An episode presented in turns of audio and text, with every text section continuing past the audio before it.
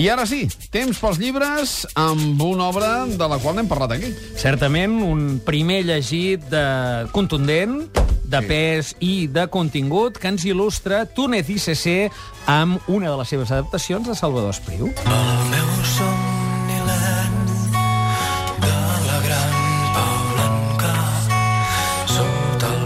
Agustí Pons. Sí senyor, Espriu transparent, la biografia, Agustí Pons, eh, una biografia, diguem, oportuna, lògicament, eh, per l'any Espriu, una biografia extensa, editada per Proa, molt completa. Eh, hem de dir que recull i combina molta informació que ja ha estat generada a la prèvia per molts estudiosos, perquè Salvador Espriu probablement és l'autor del segle XX i potser en general l'autor català més estudiat, més treballat. Eh, per exemple, per Rosa de l'Or i molts altres estudiosos. Agustí Pons fa un exercici, diguem, de síntesi o de recull i de transparència d'honestedat, atribuint totes les fonts, tot allò que ell va extraient. Uh, ell no pren partit, eh, navega amb una certa habilitat per les polèmiques i les lectures diverses que ha suscitat eh, l'espriu, com passa sempre, diguem, amb els grans autors, que generen, doncs, eh, capelles, capelletes, de vegades, lectures, i el món universitari no és aliè a aquest tipus de misèries humanes, oi?, que, sí. que hi ha ganivets que van d'una banda a l'altra. Jo penso que l'Agustí Pons d'aquí se'n surt molt bé. Ell no... La, la, la seva veu també hi surt perquè ell ho, ho va viure en primera persona, diguem, eh, en la seva trajectòria de periodista cultural i, per tant, també aporta opinions pròpies, però en general és una obra per entendre'ns de, diguem, de recull de eh, tots els treballs eh, i tot allò que se sap d'un home que contradeia, ja ho deia ell aquí a l'entrevista i en general, eh, aquell mite d'un home sense biografia. No? Sí. doncs carai, eh, per no tenir-ne, doncs aquí tenim 700 pàgines que ho venen a desmentir. És veritat que és un home, eh, el que n'acabem extraient d'aquesta lectura és que és un home d'una vida molt introspectiva, eh, que és força el fill de la seva època. Mm -hmm. eh, una època en la qual la cultura catalana eh, de l'exili interior doncs, vivia reclosa dins de coves catacúmbiques, no? I aleshores, bé, eh, Espriu, que ja venia d'abans, és a dir, que té una trajectòria incipient de nen prodigi, de gran prosista, després acaba sent un poeta nacional reivindicat per tot, eh, de vegades en nom eh, de gent que no l'ha llegit, ni, ni, ni, ni el vol llegir gaire, no? però necessita un símbol i el clava allà al mig. Per tant, en aquest sentit, la seva gestió de la seva projecció pública està molt ben documentada. Jo, per no estendre'm, sí que diré, re, una anècdota, però que, que explica molt bé eh, la relació de la història contemporània, allò que passava pel carrer, allò que avui en diríem l'actualitat, i l'obra eh, tan poc eh, realista de- d'Espriu, és a dir, l'obra que aparentment genera un món propi, que, que, que té a veure molt amb l'esperpent, que té a veure molt amb el grotesc, no? eh, però que tanmateix neix d'una realitat. Resulta que en una de les visites del caudillo, del generalíssimo, eh, que va anar a Montserrat i que el van torejar, i, en fi, eh, eh, en les celebracions de la Mare de Déu de Montserrat, els diaris del règim, eh, La Vanguardia, el Galinsoga, eh, els diaris, diguem, oficialistes, van encunyar un nou adjectiu que surt al diccionari de la Real Acadèmia Espanyola, però per dir que la visita del Franco havia estat apoteòsica, els hi devia semblar poc. I llavors van dir que era apoteòtica. Apoteòtica, que clar, jo vaig haver d'anar a buscar el diccionari perquè creia que era com un invern, un invent. I no, no, en fi, és una fórmula arcaica d'apoteosi, es podia formar apoteòtic o apoteòsic i finalment ha perviscut més apoteòsic, no? Llavors, la- l'Espriu ho introdueix això i l'Agustí Pons ho documenta a primera història d'Ester eh, quan resulta que eh, l'Altíssim, bé, el personatge diví, que s'adreça al Nani Valls i li diu arrenca de fagot i timbales, etc.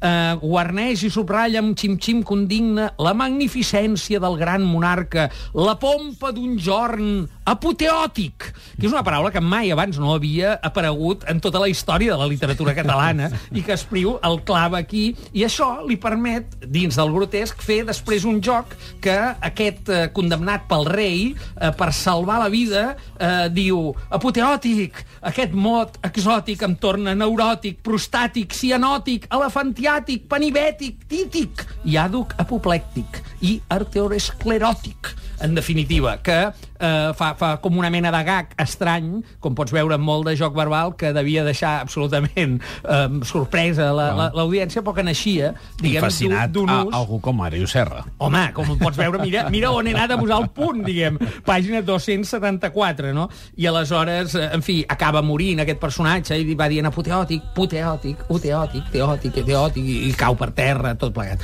És obvi que el treball d'Espriu és fonamentalment el d'un creador de llenguatge. És veritat que l'Agustí Pons es val de l'obra d'Espriu per suplir allò que la vida d'Espriu, diguem, no, no fornia, que eren grans esdeveniments. Espriu va ser una persona molt tancada, molt reclosa durant tota la postguerra a partir d'una malaltia que està aquí perfectament documentada i una mica en to en el país que tocava viure. Llavors l'Espriu rebia. Eh? S'explica molt bé com rebia, que es veu que et venia a rebre algú a la porta, una, una serventa, i aleshores anaves passant de cambra en cambra i es anaven obrint i tancant portes i persianes com en una coreografia fins que no arribaves a l'estança del poeta, no? Vull dir que hi havia una cosa de sancta sanctorum i de creació eh, diguem, del mite del qual ell no n'era gens aliè, Ja. eh, ni innocent, ni ingenu. Ara, eh, probablement se'n protegia, no? També eh, estava força protegit, especialment per son germà, eh, pel Josep Espriu, diguem, de l'àmbit aquest, Josep o José Espriu, perquè en realitat hi ha molts clarobscurs i el germà, diguem, tenia una convivència notable amb el règim i amb el poder, eh, que el protegia perquè vivien doncs, el, en el, mateix, en el mateix pis. No? Aquest solter, que va ser sempre Espriu, aquest poeta, aquest narrador, que ara a l'Agustí Pons ens el posa en una biografia que és eh, de lectura, diguem, molt recomanable, sobretot en guany, per saber de què estem parlant quan parlem tant que sentim a parlar d'Espriu. Agustí Pons, Espriu transparent, proa.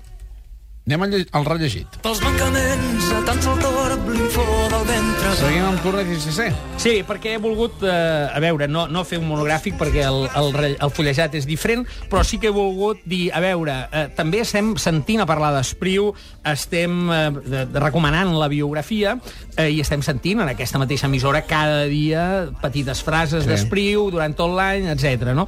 Eh, què ha de fer algú que digui, hosti, jo és que ah, em sona i he sentit els cantautors quan me'l musicaven, però no he llegit mai res d'Espriu. Doncs mira, una recomanació eh, humil, modesta, gairebé et diria jo que escolar, i feta des de la perifèria de la nostra cultura, editada des d'Alzira, per Bromera. Eh?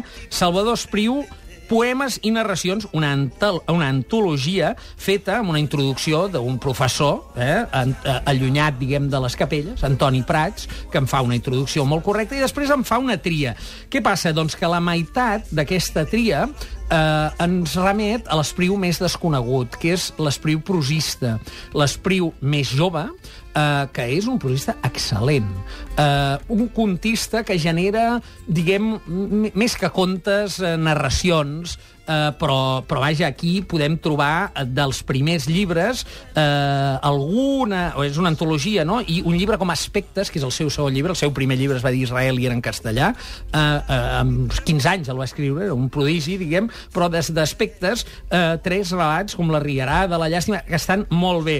Ara, òbviament, tenim una petita obra mestra d'Ariadna laberint grotesc que es diu Tereseta que baixava les escales, que és una mena de petita faula a la qual no hi passa gran cosa, ens hem d'imaginar en aquesta cinera, en aquest arenys, diguem, una senyora del poble que baixa per les escales i vas veient passar els racons, els detalls de, de la vida d'aquell entorn, no? Un detall, un tall de, de moment. Eh, per tant, allò que dèiem Wagner Però aquestes abans- narracions, què? Tipus descripció i no tant una història tancada com un conte. Exactament. És a dir, sempre obert i passen coses, sempre el més important és ambiental. És tot allò que mm, comporta el propi text, no? que, que, que et fa entrar i vibres. No? A mi em recordava ara, abans, quan sentia el, el Wagensberg, que és un mestre, comparar la ciència amb la literatura i deia, eh, moltes vegades el creador diu arriba a la intuïció sense comprendre, eh? mentre que el científic té la voluntat de comprendre, tot i que no ho pugui intuir, no? quan és molt abstracte.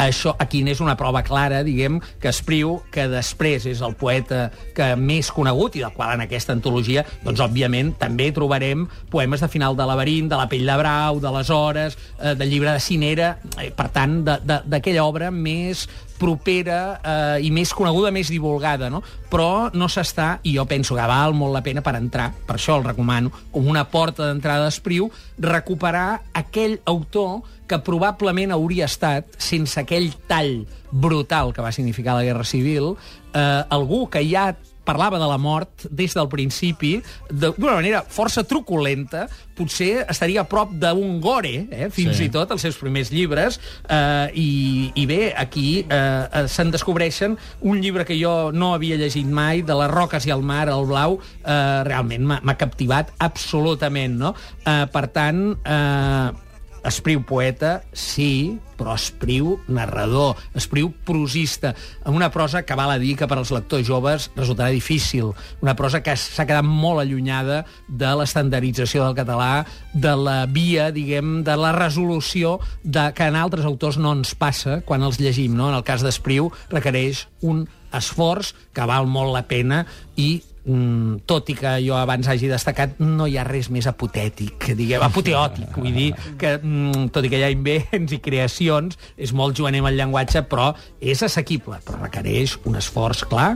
Poemes i narracions, antologia de Salvador Espriu a Bromera. Mots clau?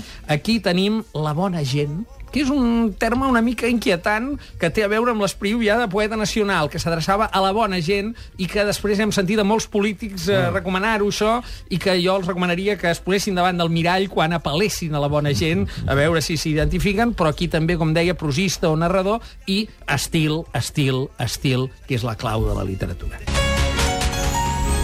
Vangelis ens porta els Chariots of Fire per Sí. parlar de... Mira, per parlar d'un llibre que jo quan el vaig triar, perquè jo els trio, òbviament, no, no, no, no la nit abans, doncs encara no havia passat eh, per al Camp Nou ahir, i vaig pensar, eh, has de fer alguna recomanació, però no ens piquéssim els dits. No, no. Diguem, Estava- ens piqués- estava clar que- estava clar, que tu ja ho veies clar i tot Sí. plegat. Molt bé. Per tant, jo vaig agafar una cosa esportiva, no, i un llibre bastant interessant que ve del mètode, el mètode checklist, que és una majarada que s'han inventat per dir que el mètode que hem fet servir alguns eh, en diverses coses, que és fer-nos llistes, no?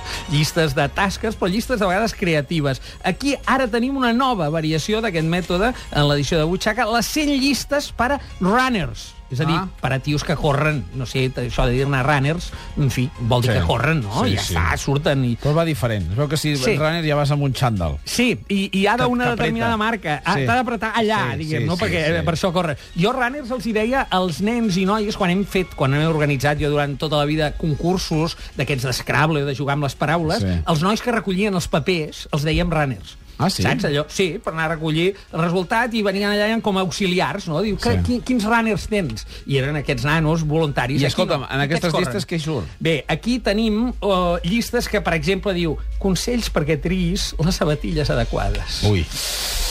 I, en fi, eh, per valorar quin tipus de sabatilles... Però, però hi ha una llista que jo crec que deu tenir una certa utilitat. En el meu cas, jo no en tinc de sabatilles perquè vaig amb sabates per la vida o sandàlies a l'estiu. Jo no faig... No, no toca sabatilla esportiva? No, no, eh? no, eh, no toco la banda esportiva. Sabatilla ja. podríem tocar, però la banda esportiva... O, la toquem poc, no? Uh, ara bé, després hi ha tipus de curses més habituals, segons la distància, uh, coses necessàries o útils per participar en una, curs, en una cursa. És a dir, tot aquest sistema, el, el, el sistema mètode checklist vol dir que hi ha una llista i et posen un foradet perquè vagis fent la creueta. Ja. Eh, això ve d'aquells uh, viatgers compulsius que se'n van a Roma, tenen la llista de tot allò I que volen visitar. tot. Tot, saps? I, i, I fan la creu, no? Bé, aquest és creat per un eh, japonès, aquest mètode, i importat a casa nostra per la Martina Ross, que ja n'ha No publicat serà el Murakami, no? perquè el Murakami no. és runner. Ell és runner absolut i, eh, diguem, ell filosofa.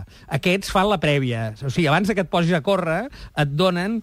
A veure, hi ha un punt poètic que és divertit perquè hi ha eh, llistes que són contraposicions de coses que, en general, eh, tenen una utilitat molt relativa. Veus que hi ha moltes pàgines en blanc, també, Sí. sí. perquè et facis la teva, no?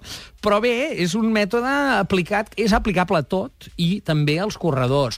No està malament, l'edició és notable, és una edició de butxaca, però porta la goma, com en aquelles llibretes Moleskine, Sí. o Miquel Rius, que jo sóc més de Miquel Rius, aquí, doncs, la butxaca et fan això de la goma perquè teòricament te l'enduguis a córrer. Què vols que et digui? Jo ahir vaig gaudir veient com corrien d'altres. Jo Quin nivell, jo hauria eh? saltat a baix. Eh, quin nivell i quin to general mm. teníem. Jo hi faria un checklist de totes les coses que es van fer bé i no me'n deixaria cap.